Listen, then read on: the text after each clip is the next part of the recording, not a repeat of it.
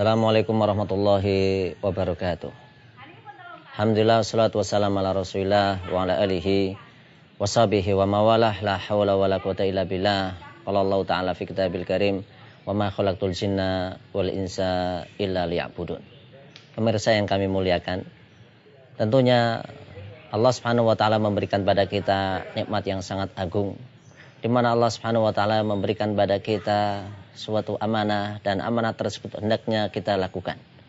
Dan Allah Subhanahu wa taala telah memberikan pada kita penjelasan bahwasanya tidaklah kami ciptakan jin, tidaklah kami ciptakan manusia kecuali agar mereka beribadah. Dan yang dimaksud ya'budun adalah yuwahidun. Tentunya berapa banyak mereka yang beribadah tapi sebagian mereka beribadah bukan ditujukan kepada Allah. Sebagian lagi mereka menyembah berhala. Ada di antara mereka yang mengatakan Islam dan mereka menyembah batu. Ada juga di antara mereka yang mengkeramatkan hal-hal yang dikeramatkan dan kita sebagai seorang muslim diperintah oleh Allah agar kita beribadah kepada Allah. Allah Subhanahu wa taala berfirman, Wa ma khalaqtul jinna wal insa illa. Tidaklah kami ciptakan jin, tidaklah kami ciptakan manusia kecuali agar mereka ya'budun. Yang dimaksud ya'budun adalah yuwahidun. Allah Subhanahu wa taala zat yang maha agung sehingga dengan keagungannya dialah Allah Subhanahu wa taala adalah Ar-Razzaq. Zat yang maha pemberi rizki. Dialah Allah Subhanahu wa taala zat yang telah mengatur alam semesta dan dialah Allah zat yang telah memberikan kita kehidupan dan dialah Allah Subhanahu wa taala zat yang telah mencukupkan kita dari berbagai macam kebutuhan. Maka salah satu nasihat yang pernah disampaikan oleh Rasul terhadap seorang sahabat yang masih kecil dan beliau adalah Abdullah ibn Abbas. Rasulullah SAW pernah bersabda, Ya gulam, ini u'allimuka kalimat. Ihfadillaha yahfadka ihfadillaha tajidhu tujahaka. Wa idza sa'alta fas'alillah. Wa idza sta'anta fasta'in billah. Rasulullah SAW pernah bersabda, wahai anak, sesungguhnya aku mengajarkan kepada engkau beberapa nasihat. Dan Rasul memberikan penjelasan, ihfadillaha yahfadka. Jagalah Allah, niscaya Allah Subhanahu wa taala akan menjaga Anda. Ihfadillaha tajidhu tujahaka. Jika engkau menjaga apa yang menjadi ketentuan Allah, niscaya Allah Subhanahu wa taala akan menjaga Anda. Dan demikianlah seorang muslim memiliki kewajiban untuk selalu menjaga ketentuan Allah dan Allah Subhanahu wa taala berfirman, "Ya ayyuhalladzina amanu taqullaha haqqa tuqatih." Wahai orang-orang yang beriman, bertakwalah kalian kepada Allah dengan sebenar-benar takwa wala tamutunna illa wa antum muslimun dan janganlah kalian meninggal kecuali dalam keadaan Islam. Bagaimana Rasul memberikan penjelasan wa idza sa'alta fas'alillah. Jika Anda meminta maka mintalah kepada Allah. Wa idza sta'anta fasta'in billah.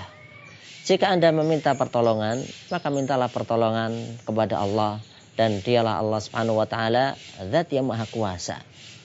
Allah Subhanahu wa taala telah memberikan penjelasan bahwasanya dirinya adalah fa'alun lima yurid. Allah melakukan segala sesuatu atas kehendaknya. Makanya kita sebagai seorang muslim hendaknya mengawali kehidupan ini dengan kehidupan yang terbaik dengan mengesahkan Allah, dengan beribadah kepada Allah dan meninggalkan seluruh peribadatan yang ditujukan kepada selain Allah. Allah Subhanahu wa taala berfirman, "Faman kana yarju liqa'a rabbih fal ya'mal amalan salihah. Barang siapa yang memiliki keinginan untuk berjumpa dengan Allah Subhanahu wa taala, maka hendaknya beramal amal yang saleh.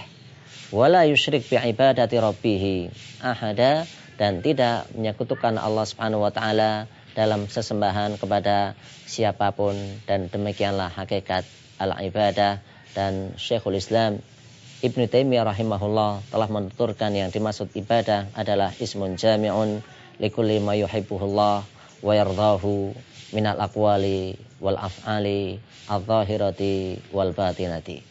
Yang dimaksud ibadah adalah suatu kata nama yang mencakup di dalamnya segala sesuatu yang Allah cintai.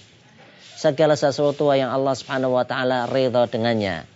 Entah itu berupa perkataan entah itu berupa perbuatan dan perkataan tersebut nampak ibadah tersebut adalah ibadah yang nampak ataukah yang tidak nampak. Amalan yang nampak adalah ma'ruf kita semuanya kenal.